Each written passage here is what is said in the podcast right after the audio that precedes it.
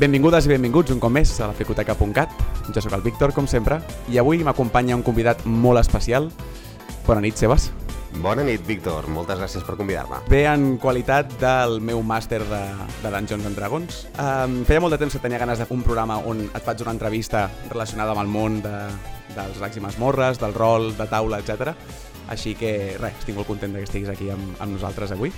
Jo també estic molt content de, de compartir aquesta experiència amb tu i de, sobretot, poder parlar una mica del rol i tot el seu món, un món molt immens. A nivells que porta pràcticament uns 40, 50, 60 anys aproximadament en actiu. Sí, crec que eren els anys 60, més o menys, i des d'aquí va començar a néixer i a expandir-se progressivament, de forma molt bèstia. Què creus que és el que ha fet que aquesta, aquest món torni una mica a revifar com ho ha fet? A veure, jo crec que una d'aquestes condicions, ara potser pec una mica d'optimista, és el, el ressorgiment o la generalització a la societat del concepte de fricades, no? Els jocs de rol sempre han sigut... Mm, considerats de cosa friquis, de nerds, tenir-les com a apartat, ui, no, això és raro, i més de moltes mm, petites llegendes urbanes de gent que s'ha tornat boja i per culpa dels jocs de rol o dels videojocs, no? I són cosetes que sempre els hi ha donat mala fama. I ara, com que totes aquestes coses estan molt més acceptades, gràcies a pel·lícules de Marvel de superherois, de sèries d'anime cada cop més populars i de sèries com Stranger Things que t'ho fiquen a la cara i tothom flipa de sota amb això, pues sí, sí, un ressorgiment es veu molt natural. És brutal això que dius de, de Stranger Things, perquè recordo quan va sortir la primera temporada. Jo sabia que era Dracs i Masmorres, però potser per l'edat que tinc, potser per, per diverses combinacions de, de factors, doncs no ho havia tastat mai. I recordo aquella primera escena que estan jugant a... que vaig pensar, això ha de ser brutal. Sí, sí, ja és una mica... que em sembla que aquesta escena, a més, està com molt buscada com a homenatge a E.T. de Steven Spielberg, que també comença d'una forma molt similar, però sí, sí, ja t'està com ficant en un lloc, tant temporalment com socialment, una colla joves inadaptats, diferents, que els agraden les coses que els més no, i que ja t'estan presentant pues, per la temàtica de la pròpia sèrie, no? Però sí, sí, ja és algo que veus i dius, ostres, això no és un joc de taula i prou, aquí hi ha, hi ha alguna més. I la pròpia emoció que demostren els, els personatges jugant la partida, el Demagorgon Demogorgon, no, el Demogorgon! Doncs eh, ja et diu, ostres, això mou coses. A veure, jo crec que també, a part del que dèiem, d'aquest factor friki, eh, jo crec que també hi ha un punt molt aprofitat de rebote, potser, amb, el, amb els videojocs. O sigui, els videojocs cada cop són més complexos, tens més marge de possibilitats, d'acció, de maniobra, et presenten cada cop mons més increïbles, més fantàstics, però part d'aquest, de tot això està limitat pel propi motor gràfic del videojoc o les pròpies capacitats del videojoc. El rol és tot això sense aquestes dificultats. L'única impediment és la teva imaginació, la teva habilitat per crear històries com a màster o la teva capacitat de deixar-te emportar com a jugador, no? És, és aquest el, el punt que et dona gran victòria enfront d'altres plataformes com els videojocs. No és només que hi hagi moltes més possibilitats, sinó que també la teva immersió en la història és molt més profunda, diria jo. Eh, molt més, sí, si aconsegueixes connectar, no?, que en direm la immersió en la, pròpia, en la pròpia partida, en la pròpia història, pot ser molt més real. Jo, com a jugador, he plorat en algunes escenes mm, conflictives potents emocionalment parlant i també he fet com a màster plorar jugadors i si és per un bon motiu, és algo molt satisfactori. És com, això és, és real, no? És real. Et volia preguntar una mica per com vas arribar tu a aquest món de, del rol o qui t'hi va introduir, per què vas començar, perquè clar, en el meu cas va ser perquè vaig veure Stranger Things, em vaig posar en contacte amb una associació de Sants, vaig començar a fer partides i tal, i a poc a poc doncs, vaig anar fent algunes cosetes, no? Sants Nigurà? Sí. Sí, ja, coneguda, coneguda associació. Doncs mira, el meu cas va ser amb 15 anys i va ser arrel del meu germanastre, que tenia un company de classe que, que jugava a Dungeons and Dragons, i jo, què és això? Saps? Recordava aquella sèrie d'animació de finals del 80, començament dels 90, i era en plan, eh, què? I vam anar un dia i el meu primer contacte va ser a la pròpia Kaburi, quan era la botiga petita que era abans, que tenia una saleta amb taules on podies anar a jugar, i allà van ser les meves primeres partides de rol amb un noi que es diu Guillem, que encara ara és el meu màster, sempre el parlo com el meu màster, i, bueno, pues partides molt xorres, érem adolescents tontos, llavors eren partides de, ah, mata, mata, oh, un dragón enorme, vamos a matarlo, oh, morimos, oh, Master, eres un cabrón, saps? I aquest rotllo partides, però, però en el fons van ser quan es va obrir la porta tot lo de més. Recordes quin va ser el teu primer personatge? Eh, sí, sí, sí, sí, a més el recordo molt bé perquè va ser molt meme. O sigui, va ser una partida d'aquestes improvisades on la resta de gent tenia els seus personatges i jo no. I llavors em va donar un guerrer humà de nivell 1. I jo, en plan, oh, i tot el que puc fer i tal. I en la única seqüència de combat que vam viure en aquella partida, vaig treure un crític i vaig fotre una hòstia al·lucinant i em vaig quedar flipant. I de sobte, el personatge del costat era un mag de nivell 7 que de sobte va llençar una bola de foc que va destrossar com a 12 persones de cop i va ser un, ha fet 10 vegades més mal que jo? Per què, saps? I tota la frustració que això portava darrere. Però va ser un moment molt, molt, molt divertit, molt icònic. Mai sé com acostar-me al fet de crear el personatge. Mai sé si fer-lo similar o afí a qui sóc jo com a persona, totalment al contrari per tal de navegar altres característiques o altres personalitats, no sabria dir-te, no? Hi ha moltes opinions al respecte al final cadascú ha de fer amb allò amb el que sent còmode, no? Però generalment et diuen que per començar sempre intentis eh, no fer-te igual a tu, però que tingui algú molt comú amb tu.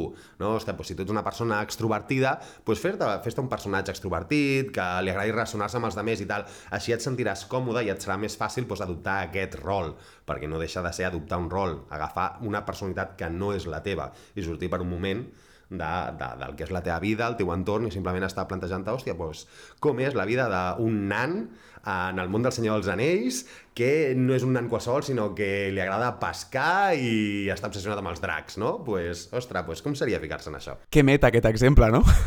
crec que seria interessant que ens expliquessis una mica què és jugar a rol, perquè crec que per molta gent això m'ha passat moltes vegades, no sé si també t'has trobat en aquesta situació, que molta gent em pregunta què vol dir jugar a rol o què vol dir jugar dracs i masmorres i a vegades és com que em perdo en l'explicació perquè no acabo d'entendre molt bé com, com fer-ho entendre una persona que no ho ha vist, que no ho ha jugat. Sí, sí. A veure, és que és aquelles coses que explicades sonen d'una forma mm, quasi estranya, per no dir qüestionable, sí.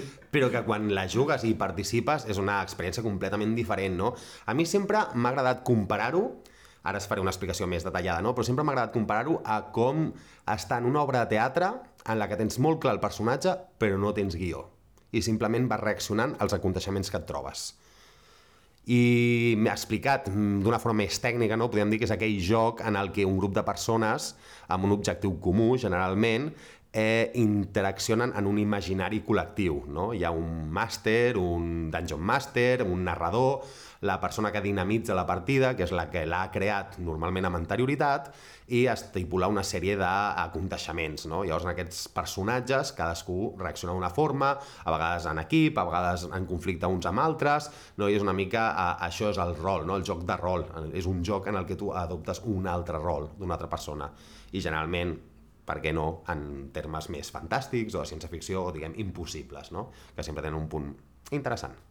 Series capaç de fer una partida improvisada al 100%? És a dir, si et posessin en una taula amb 5 jugadors i et diguessin fes de màster, podries tal qual? Sí, ho he fet. I, bueno, és, és divertit, és curiós, ho pots dir, ah, merda, què faig? És simplement confiar en que les coses que van sortint la resta ho acceptaran, no? Com això del, de l'impro show, del sí i, no? Pues això, si tu has d'acceptar el que et donen i intentar anar una mica més enllà, bàsicament per fomentar el joc, fomentar el rol, fomentar el bon rotllo i eh, que estem aquí per passar-nos-ho bé, no?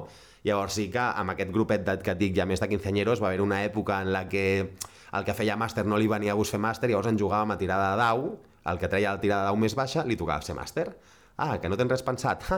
Espavila't, xato. Què necessita un jugador a nivell de predisposició, sobretot? A veure, sobretot, jo crec que un d'aquests ingredients és, com acabes de dir, la predisposició, no? O sigui, en plan, vinga, va, no, no m'enfadaré perquè algú no em surt bé o, ostres, els daus em tenen la, el dia dolent i no aconsegueixo fer res i es frustra, no? És algú que, vinga, està bé, més enllà de les tirades, més enllà dels èxits, una persona que gaudeixi l'estona, que, que s'ho passi bé i que tingui espai per interpretar i desenvolupar el seu personatge, però que també deixi espai i col·labori amb la resta de personatges perquè ells també puguin tindre aquest paper, no? El que estava molt clar, el que jo sempre he pensat, és que en un grup de rol eh, els personatges han d'estar equilibrats tant en quant a habilitats i tal, per un efecte més pràctic, però també mm, han de tindre tots els seus moments de protagonisme o directament els seus moments de... El protagonisme no és ningú, sinó és el propi equip i les pròpies fetes que fem, no?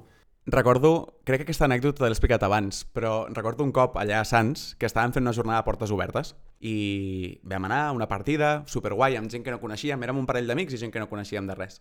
I enmig de la partida teníem un jugador que res del que feia el màster i del que fèiem la resta de jugadors li semblava bé.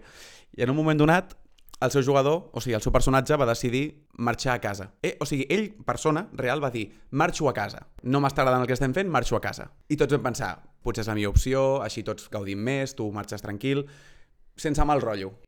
I veiem que es queda sentat. I tots com, què està passant? El seu personatge dintre del rol s'havia anat a casa. I es va quedar la resta de la partida en silenci, mirant-nos. Crec que no he tingut mai una experiència tan incòmoda a la meva vida, perquè estàvem tots jugant i ell era allà mirant-nos a tots i jutjant cada una de les nostres accions. Ostres, sí, sí, és, és, és complicat, eh? perquè realment és un moment incòmode. Jo, a nivell personal, molts cops he dit eh, prefereixo que algú jugui, aunque vagi una mica confós, aunque ralentitzi la partida, que simplement es quedi mirant. Hi ha gent que no li importa, eh? i cap problema, i tot, endavant. Però sí, sí, a vegades depèn de com, la persona que està mirant pot ser com un factor de distracció pels, pels altres jugadors o depèn de com fins i tot aquest punt de... Si ja hi ha un jugador o jugadora que és una mica insegura, no? que li costa deixar-se anar o que tingui vergonya, tindre algú que no està participant, no s'està exposant com ella o ell, eh, clar, això et pot cohibir. Llavors és com un, ostres, no, depèn de com, que sigui un cercle íntim, que estiguem tots a gust, i jo crec que per això és molt, molt important, no sé si després ho parlarem, el, això, el, la dinami, el dinamisme que té el grup de, de rol habitual. Perquè clar, una cosa és el grup de rol habitual amb el que tu puguis jugar de tant en tant, un cop per setmana, cada dues, un cop al mes, o aquelles coses com la que em comentes d'anar a unes jornades on vas a jugar un one shot amb gent que no coneixes, no? Llavors aquí, clar, et pots trobar sorpreses i no tens res a fer, però bueno, en general s'espera que tothom pues, tingui el mateix esperit de, que tu d'anar a participar i passar-ho bé. Ara que parles de dinàmiques de grup, com vas viure la nostra partida de Dracs i Masmorres, tu com a màster? A la, la campanyeta ha de 10 partides, eh, la vaig gaudir molt. A veure, mm, jo et diré, era una partida... Dius campanyeta, però per nosaltres va ser èpica a nivells mmm, que no et pots arribar a imaginar. O sigui, des del meu punt de vista, era una campanya que jo havia començat ja a pensar per fer amb un grupet d'amics, que era això, que ara sí, ara no, ara tal, i que al final no vam arribar a fer. I per mi va ser un, ja una primera frustració, i li tenia aquest punt de ganes, perquè era un punt de, ostres, eh, agafar algunes coses de la Dragonlance, eh, afegir-hi mm, molta, molta xitxa per part meva, que m'agraden les coses truculentes i que facin una mica patir el personatge, i sobretot aquesta idea de tinc en el grup una persona que ha jugat poc, que eres tu, una persona que ha jugat molt però fa 20 anys que no juga, i dues persones que no han jugat mai.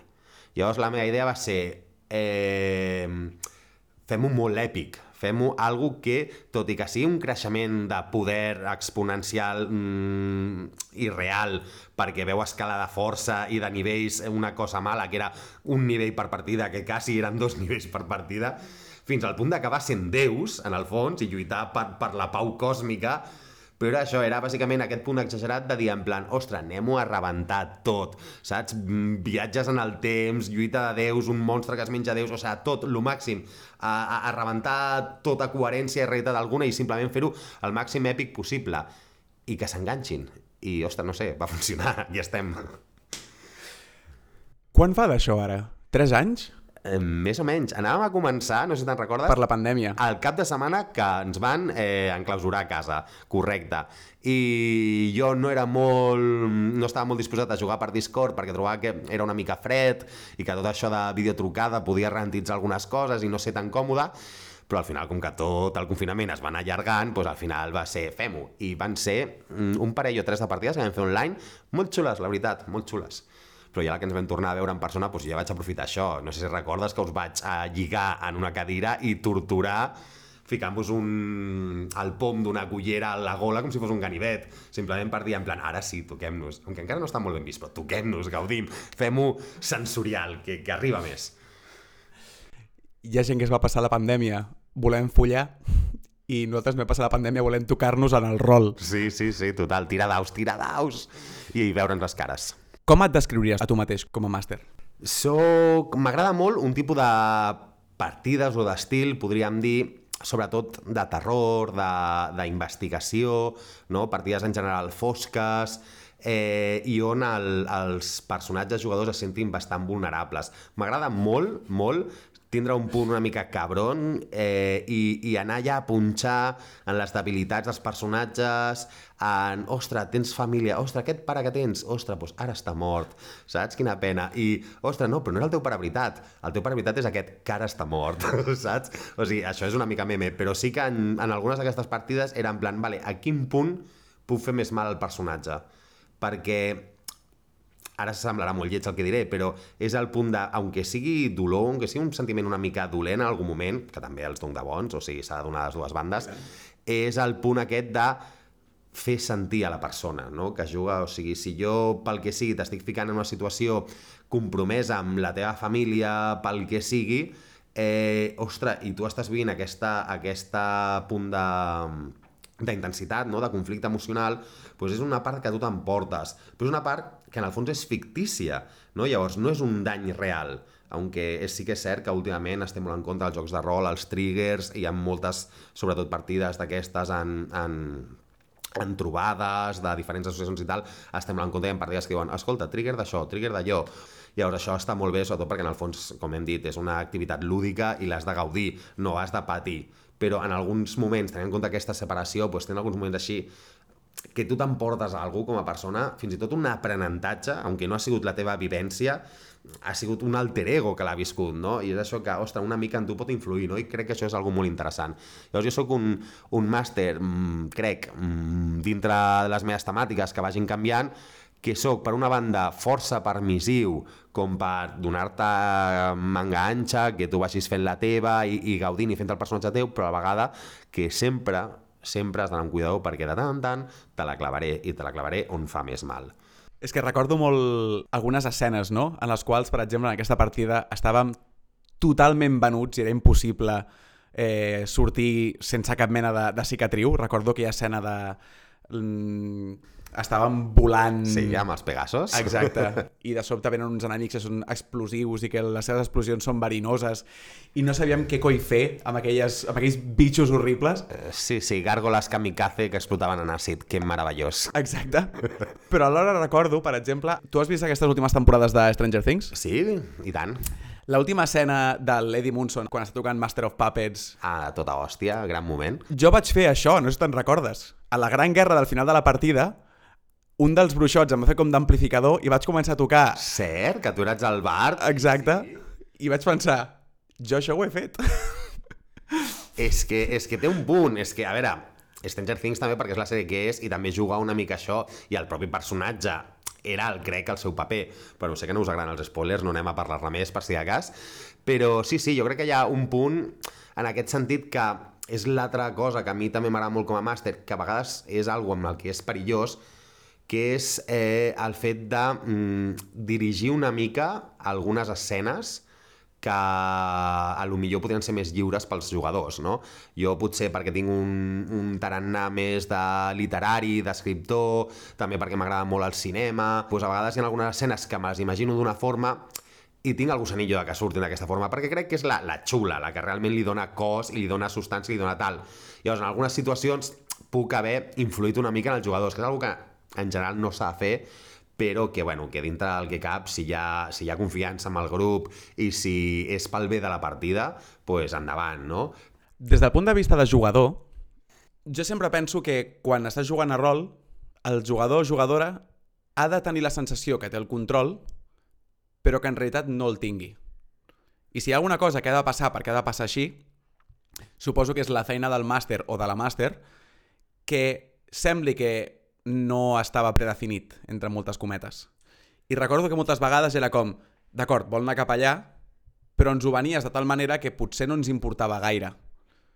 Llavors és com això, hi ha un guió, o hi ha part d'un guió, o una cosa semblant a un guió, però igual no el veiem. Correcte, exacte, és aquesta, eh, la idea. I ja et dic, aquí cada director o directora juga una mica a la seva manera, conec a gent que fa partides de 6 hores amb tres línies escrites, vale? que és quasi com un haiku de la pròpia partida.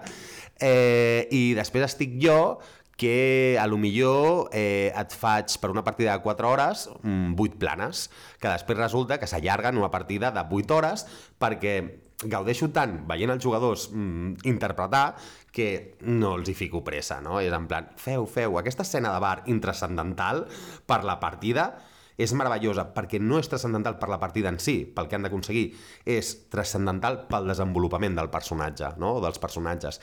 I és en plan aquí on crec que hi ha una de les riqueses molt xules. Però sí, com a jugador, és que hi ha un punt, sobretot en... depèn de les partides, no? però sobretot en aquelles que són més d'investigació o misteri, és que el jugador no té ni idea de res. El màster ho pot tindre tot molt clar perquè ha participat, ha fet la història, sap com està tot hilat i tal, i hi ha pistes que fins i tot li semblen molt evidents. Ostres, que si dic que eh, la ombra que han vist passar coincideix amb la criatura que tal, és que ho sabran, però és que no, perquè en el seu fons tenen 10 variables més. I és en aquest punt en que tu doncs, has de, a vegades, pues, ajudar una miqueta o donar una pista més, però sobretot jo crec que això sí que és aquest punt de, eh, de pròpia improvisació en el moment de no només estar per la partida, sinó estar controlant el ritme de la partida. No? Això també és un altre punt molt important. Si tu veus que la partida està estancada, has de donar una mica ajuda. Fes aparèixer un PNJ, un personatge no jugador, eh, que pel que sigui passar per allà, o ni que sigui, sigui el majordom, que de sobte els hi ve a dir senyors, senyores, volen alguna cosa? I a lo millor en aquest d'aixonsis els hi deixi caure una pista que els guiï una mica per la direcció correcta. Dominar els personatges està malament, guiar-los està bé. En el meu cap és bastant necessari, a part del que deies abans de la predisposició i d'altres elements, jo sí que penso que la part jugadora del, de la partida ha de tenir una mica d'ànima d'actor o d'actriu. Com a mínim, de tenir ganes de jugar a ser actor o ser actriu. Perquè hi ha una part que és aquesta de, com dius tu, estàs adoptant un rol, com un actor o com una actriu en una obra de teatre. A mi, per exemple, una cosa que trobaria a faltar en partides que hem fet nosaltres junts, com tu com a màster o com a jugadors els dos, a mi m'agrada rolejar d'una forma molt més salvatge a mi m'agrada involucrar-me molt més dintre dels personatges i començar ja directament a fer veus. De... Ja no sóc Víctor, el jugador que està jugant com a Garagar, el nan. No, no, sóc Garagar el nan durant 5 hores i prou. Sí, sí, tant. Que de fet, en això em recorda, Víctor, algun dia t'has d'anar un rol en viu, que crec que ho gaudiries màxim, però sí, a veure, és cert, òbviament, dona molt, i a més, si tens un jugador així, anima molt a la resta a que també entri en aquest joc. Però també és cert que això de les veus, per exemple, a mi em passa com a màster com a jugador. Com a màster, fico mil veus, perquè em fico en cada personatge i llavors sí que intento diferenciar-los molt. Com a jugador, no. Com a jugador, el personatge té la meva veu i no forço aquesta veu. Sí que forço una mica l'emoció en la veu, no? La tristesa, la ràbia, l'alegria, no? Però, però clar, el canviar una mica de veu et pot ajudar molt a fer-te una idea del personatge però jo no crec que sigui necessari. És més això, no? aquesta actitud mm, desenfrenada, no? de una mica mm, juganera, de dir en plan, ostres, pues, deixo un cantó a la vergonya i jo et dic que sóc molt vergonyós, però amb el rol és com un és un cercle de confiança, no? Pues això es queda fora i si en algun moment crido perquè el meu personatge sent una ràbia eh, increïble perquè acaba de, jo què sé, de perdre l'objecte miraculós que estava buscant, doncs, eh, crida de ràbia. Però, ostres, sí, anima't a fer-ho. Crida en una partida de rol, és molt sa. Que aquest és un altre punt que em, que em seria interessant, que és el, el fet de, sí, involucra't en el personatge, en la partida i en tot, però també trobo que ha d'haver-hi espai per fer broma del que ha passat perquè a cap i a la fi ho veus des de fora, és com si estiguessis mirant la pel·lícula, no? Clar, i tant, o sigui, és això, no? És el que intento reiterar molt. Som un grup d'amics, o sigui, així com en un moment eh, xerrant simplement algú pot estornudar d'una forma molt graciosa i tots ens riem amb companyerisme i bon rotllo, doncs en això el mateix. I tindre aquests espais d'off-roll, no?, que li diem, de sortir a partida i fer una miqueta de conya, està bé. També, en certa manera, poden alleugerar la tensió del moment o ajudar simplement al fet de tindre un respir que també, ostres, pues, si hi ha molta tensió, pues, podem voler relaxar una miqueta, no? És que a mi em passa, per exemple, jo tinc una ment molt bruta a mi tot em sona sexual, constantment. Sí, sí, sí, em, em sona d'alguna ocasió. I en el rol és que és impossible. O sigui, en el rol hi ha una quantitat de coses, perquè... Sí, sí, sí, no, i es, i, i es dona, i més, clar, això molt, molt graciós, perquè en Dungeons també pues, és un poc més macarra, no? Però en, en una temàtica com la que estem jugant ara, El Senyor dels Anells, no? que a més és una cosa que ho hem comentat moltes vegades amb la resta de jugadors, clar, té un to molt digne, un to molt senyorial, de bien i del mal, de, oh, excel·lentíssim, eh, senyor de Gondor, saps? I moltes vegades pues, te'n vas allà i, i això també, vulguis o no, és, és, està molt bé, perquè et porta allà, però a la vegada també no estàs acostumat i tot queda, pot quedar una mica rígid i fred i, i superficial i dir, ostres, no, em ve de gust una mica més macarra, em ve de gust vacilar una mica aquesta part. No, això, el Senyor dels Anells... No, llavors és, és jugar una miqueta a això, no? Llavors, si una partida molt sèria tots tenim moments de riure i tots hi ha moments de que pues, fer un petit break per una broma i parar 30 segons la partida per riure'ns perquè el que ha dit ha sonat molt sexual o pel que ha dit una barbaritat i tal, i és graciosíssima, doncs ja va bé, saps? O sigui, és com una pel·lícula i pots posar pausa i després tornes a ficar play i cap problema. Si hi ha gent que ens està escoltant que no són fans, de, bueno, que no són fans no, que no tenen experiència, que no han jugat mai, etc. Quin consell donaries a un grup de 4 o 5 persones que volen començar a, a jugar? No tenen ni idea, simplement volen fer allò que fan Stranger Things. A part de recomanar-los al 100% que ho facin, estaria molt bé anar com amics, si ja són amics, o si no, si són individualment, anar a alguna d'aquestes jornades, que hi ha clubs com a Sants Nicoraz, com a Stronghold a Sagrera, eh, i hi ha varis més per Barcelona, és que em diria que quasi cada barri en té un, el seu centre cívic o associació jove, és que n'hi han i provar-no. Molts d'ells fan tardes de jocs, eh, jo la que conec més, que és la de Stronghold, que tinc amics allà, eh, cada divendres a la tarda fan partides de rol obertes a qui vulgui anar. I a part, un cop al trimestre fan unes jornades importants de cap de setmana on jocs de taula, concursos, soft combat, eh, i molt, molt de rol. Pots fer-ho amb el teu grup d'amics i cap problema, però clar, un de vosaltres haurà d'agafar la iniciativa de masteritzar, d'agafar un llibre de rol i inventar-s'ho tot, o d'inventar una història a zero i dir en plan, ostres, pues, com podíem jugar? Vale, pues amb un dau de 6 de tota la vida de la OCA i fem que el 6 és l'èxit, la 1 la pífia i tirem endavant amb això.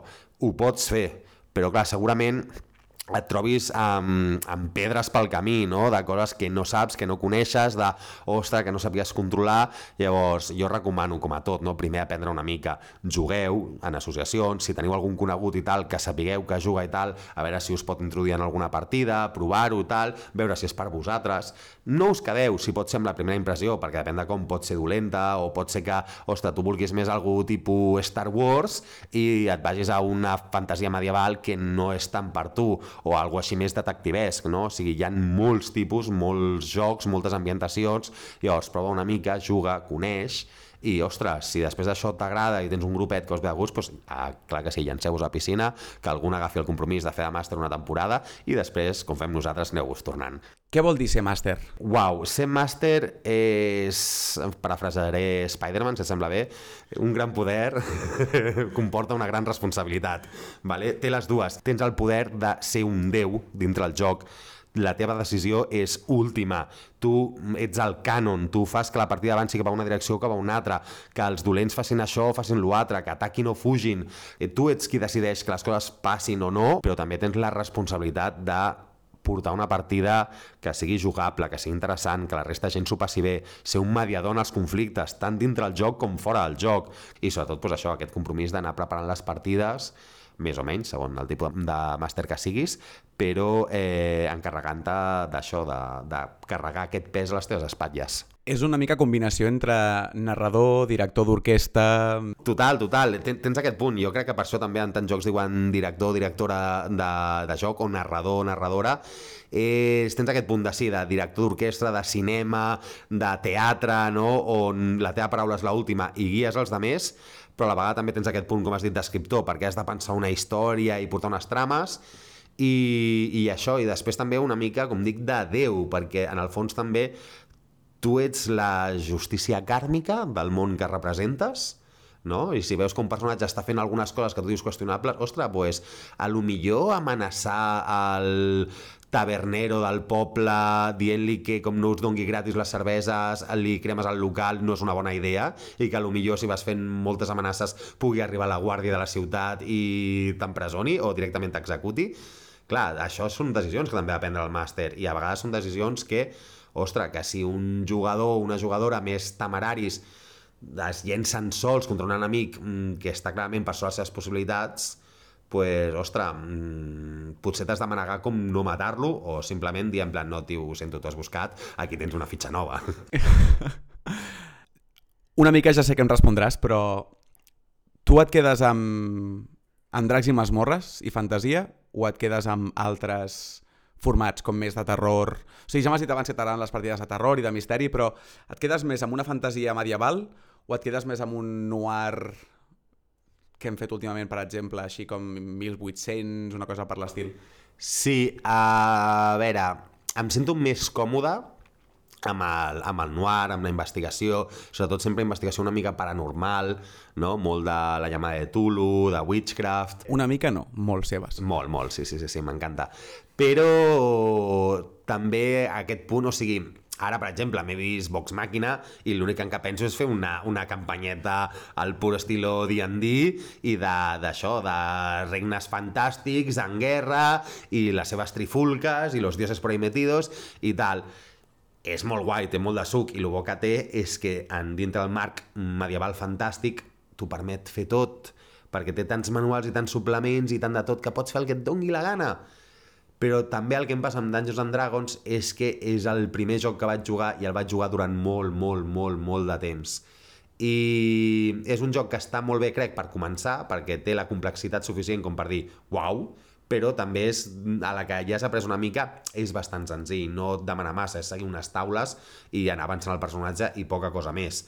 No? Llavors, jo no sé si és en part també un punt de maduresa o d'experiència que a poc a poc m'han anat tirant cap a una altra banda o també el simple fet de mm, gastar-ho tant que en cert moment digués en plan, bueno, ja això ja n'he tingut suficient, em ve de gust experimentar altres coses, com samurais, per exemple. A mi, de moment, com a jugador, és el que més m'ha agradat. Potser perquè jo tinc un perfil més Star Wars, on m'agraden les històries de fantasia èpica, però senzilles a cap i a la fi, on l'important potser són els personatges més que no pas l'aspecte més tècnic o l'aspecte més... Uh, a mi m'agraden unes bones narracions, m'agraden uns personatges que interactuen i que es fan amics dintre de la partida. I mitjançant això també es fan amics fora de la partida, que és una cosa que és molt interessant, que és la part socialitzadora del, del joc, no? Clar, clar, jo sempre ho dic, o sigui, amb el grup de rol amb el que quedo, no només quedo per jugar rol, o sigui, som amics i gaudim l'estona junts, el que passa que així com hi ha amics que se'n van al bar a prendre alguna cosa, o juguen a cartes o a jocs de taula, doncs nosaltres gaudim molt de, del rol, no?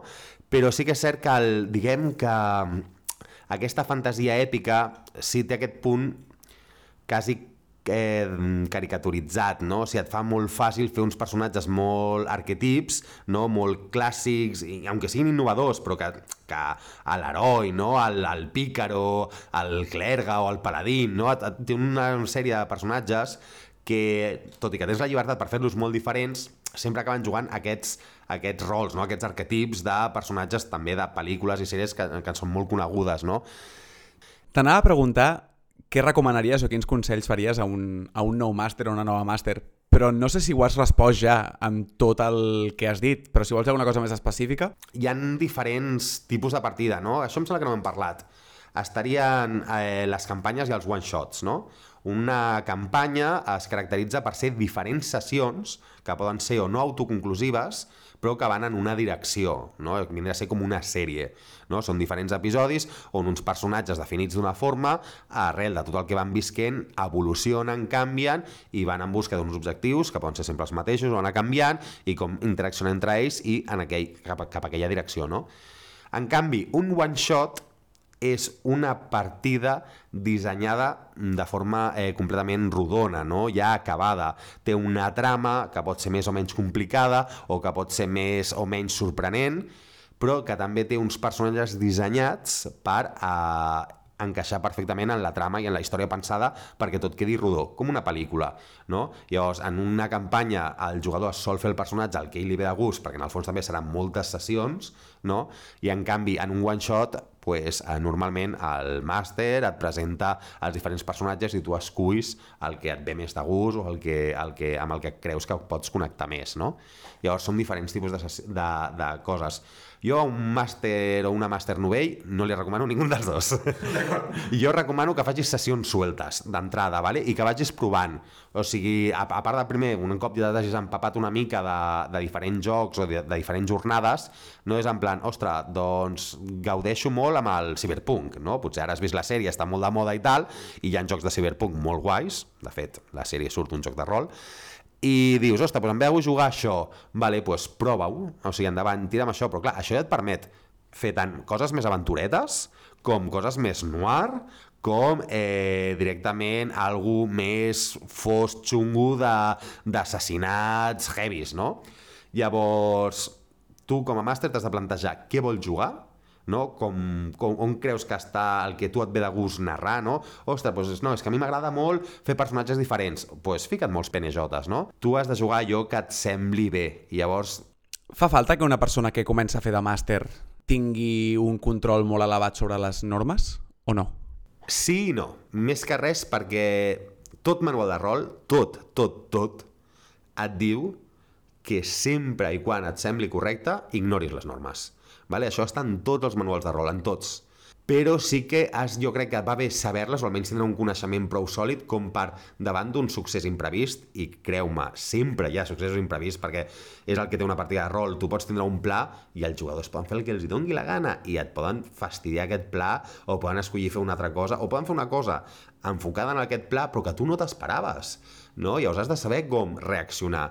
I per saber com reaccionar i que no et puguin acusar mm, d'arbitrari, mm -hmm. no? és tindre una mica aquest coneixement de regles i poder dir, ostres, doncs mira, això és així, doncs en aquest cas podríem fer-ho aixà, saps? Llavors va bé, va bé per guiar-te, però no t'has de deixar guiar per, per les normes, no? És aquest matís el que, el que enriqueix una bona partida. Bé, les domines prou com per poder controlar la partida, però tampoc són una obsessió. Clar, és que trobo que una cosa que molta gent eh, confon, i jo mateix ho confonia quan, quan vaig començar a jugar, sistema de joc no vol dir ambientació. Tu pots agafar el sistema de Dungeons i fer-lo servir per una partida ambientada en Star Wars. Tu pots agafar el sistema de, per exemple, Witchcraft i fer-lo servir per una partida tipus Dungeons. Correcte, correcte, és completament així. Clar que sí que és sèrie, això me'n dono compte i potser més en les noves edicions que estan sortint ara de jocs i antics, eh, fins i tot amb el Dungeons and Dragons cinquena edició d'ara, que, que són com uns dissenys més orgànics i més basats en això, no? en, el, en, en la pròpia... Així com abans potser es podien centrar més en la mecànica del joc, les tirades, les tables per veure quins mals feies i tal, eh, no sé si heu jugat al Senyor dels Anells antic o Rolemaster, tenia mm, taules i taules de crítics i pífies que una tirada et podia tardar 10 minuts en resoldre-la, doncs ara cada cop en aquest sentit ho fan més orgànic, fan més de donar-li com un pes al personatge i, ens, i les seves característiques, no? Llavors, eh, repeteixi la pregunta perquè crec que m'he perdut una miqueta. No, dic això, que al final... Ah, sí, la mecànica. O sigui, una mecànica pot estar una mica lligada a una ambientació, no? Per exemple, la de Vampiro, la mecànica de rol t'emputxa molt a que sempre tinguis set de sang, no? Llavors ja t'està provocant una mica això, però tu t'ho pots saltar i dir en plan, no, em ve de gust jugar l'ambientació Vampiro amb les diferents clans vampírics, però estic més còmode amb el sistema de Dungeons i m'ho adapto. Llavors, i tant, adapta tu, si has d'estar més còmode, és complicat, però ho pots fer. En general, jo el que trobo que és més fàcil és, si busques un, un tipus de partida més narrativa, fer un sistema adaptat. Agafes la fitxa, la maqueges una miqueta, en Photoshop si saps, o si no, em, pots buscar, que segur que en trobes alguna, o simplement tatxes les parts que no t'interessin, i, i ja està, llavors simplement doncs, dir en plan, ostres, hi havia un sistema d'aquests llibres que es diu Portal, que va amb daus de 6, tires 3 daus de 6, si l'habilitat que estàs utilitzant és molt afí a, ti, a tu pel tipus de caràcter, agafes el dau alt, si és contrari a tu, eh, agafes el dau baix, i si és una habilitat anodina, com podria ser, jo que sé, cuinar, doncs agafes el mig. Potser per jugadors nous pot ser una forma fàcil de no liar-te moltíssim amb, amb taules i normes, etc. Tens una cosa més senzilla i fas servir aquest sistema d'alguna manera. Correcte, exacte. O sigui, aquest sistema, eh, que de fet el faig un matís al Portal, és aquest sistema una mica més complicat, amb algunes variacions més, de daus extra per tal. Però bueno, hi ha una versió simplificada que és això, no? Pues, si tu el que et ve de gust és la narrativa i que les tirades no tinguin pes, tira't per això. Fes una fitxa on només surti l'aspecte del personatge, descripció bàsica així com més física o tal, o el que t'interessi, o una mica d'història, i ja està. I això et permet ambientar-ho en el que tu vulguis. Ja per anar acabant, Ja estem acabant? Oh, que ràpid. sí, portem gairebé una hora de programa. Ah, oh, que bé, que bé. No, no m'he sentit molt còmode. Volia preguntar-te aquesta pregunta que t'he fet, que te'l preparessis a, de camí cap a casa. que tant t'ha agradat. Digue'm una pel·lícula, i de fet quan et dic pel·lícula et puc dir pel·lícula, llibre o el que sigui, que... ho sé. Cabron, jo he estat pensant en pel·lícules tota l'estona i pensant sèrie, no, sèrie m'ha dit que no. Pots, si vols pots canviar la, la resposta. No, no, no la canviaré, però després faré un afegit, si et sembla bé. És a dir, perquè una persona que no ha jugat mai a Dracs i Masmorres pugui entendre més o menys quin és el ritme d'una partida, com són aquestes campanyes i tal, quina pel·lícula creus que... Com podria fer la pregunta? Reflecteix una campanya de Dungeons and Dragons sense ser directament una pel·lícula sobre. Perquè està clar, està clar que Vox Màquina, Correcte, sí. però és que és literalment una partida... Sí, sí. O Record of Lodos War, no sé si la coneixes, és, va néixer d'una partida, d'una campanya de rol. Sí, sí. Però si no, quina diries? pues mira, després de molt pensar, i entre ells pensar una mica en els Goonies i coses així, m'he decidit per Guardianes de la Galàxia. Té tots els ingredients. És un equip que eh, en cert moment els fiquen un objectiu comú, que és sortir de la presó, després d'aquest primer encuentro tots junts, i un cop així segueixen junts per la promesa de diners de l'artefacte que porten i això els fa enfrontar-se a un malo maloso mm, brutal que és el que acaben derrotant una mica amb la cooperació de tots. Això en si és una partida de rol. No sé si coneixes un videojoc que es diu Earthbound. Va ser un joc que va sortir al Japó, escrit per una, de les, una persona que es dedicava a la música, a ser copywriter de publicitat, i va ser fitxat per Nintendo i va dir que volia escriure un joc de rol. I el tio va crear un joc de rol, joc de rol japonès típic de torns i de tal, Sí, sí, crec, crec que ara que m'estàs explicant més, crec que m'estic imaginant quin joc és. doncs el va ambientar en el món dels Estats Units de Charlie Brown i els còmics de Snoopy. Vale, doncs no, ja no, ja m'has destrossat completament. És un joc que és una autèntica meravella que t'encantaria fins a nivells que no et pots imaginar perquè el diàleg és fantàstic. És un grup de nens, un grup de, de petits que es descobreixen que hi ha hagut una invasió alienígena en el, seu, en el seu planeta o a la seva ciutat. Llavors tu vas arribant a ciutats i vas trobant doncs, diferents elements de què està passant, no? És meravellós, però és que el més divertit és que el joc passa als Estats Units als anys 60, 70, 80. Llavors tu et cures menjant pizza, quan vols guardar la partida truques a la teva mare perquè la trobes a faltar. Que meravellós que és això.